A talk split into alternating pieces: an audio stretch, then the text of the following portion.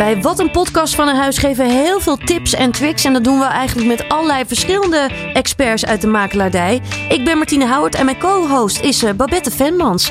Babette, wat gaan we allemaal bespreken in deze podcast? In deze podcast bespreken we voornamelijk de stappen die jij kan zetten in de woningmarkt. Weet je, als je als starter begint, waar moet je beginnen? Maar ook als doorstromer, wat is belangrijk tijdens het bezichtigen? Wat is belangrijk tijdens een aankoop? Welke in de, dingen in de media die besproken worden zijn nou wel waar en welke niet? Ja, en dat bespreken we dan ook echt met allerlei verschillende gasten ook, hè? Ja, zeker. En het zijn experts uit het werkveld. Dus die nemen hun werkervaring mee. Die nemen de ervaring mee in de markt.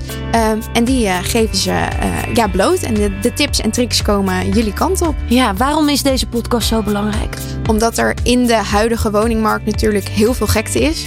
Um, en mensen zien door de boom het bos niet meer. Jij als particulier, wij begrijpen als makelaar dat je, dat, dat je niet meer weet waar je moet beginnen.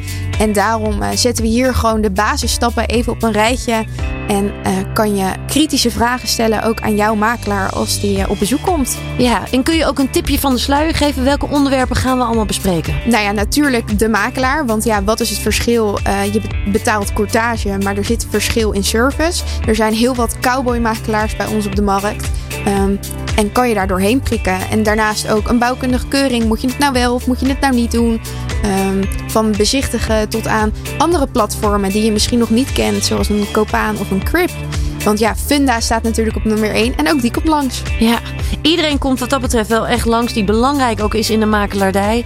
Uh, wil je dus tips en tricks juist voor het kopen of verkopen van je huis? Luister dan naar Wat een podcast van een huis.